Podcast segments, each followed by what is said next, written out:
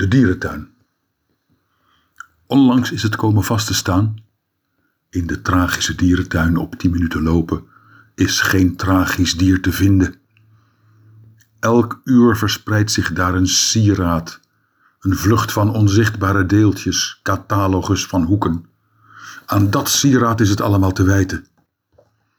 De bezoeker treft geen enkel tragisch dier, want de tragiek nooit gekomen is vertrokken. Wat resteert is gevloek, paring, assistentie, wondkoorts en een smakelijke lach.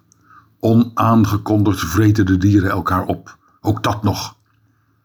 De directie zal de poorten sluiten, tot in lengte vandaag op zoek naar de onzichtbare vijand. En het buitengewone sieraad heeft het rijk alleen, verzonken in de tijd zonder tragiek. Het koopt geen kaartje, het vliegt goniometrisch door de tourniquets, zwanger van het alledaagse, het alledaagse zelf.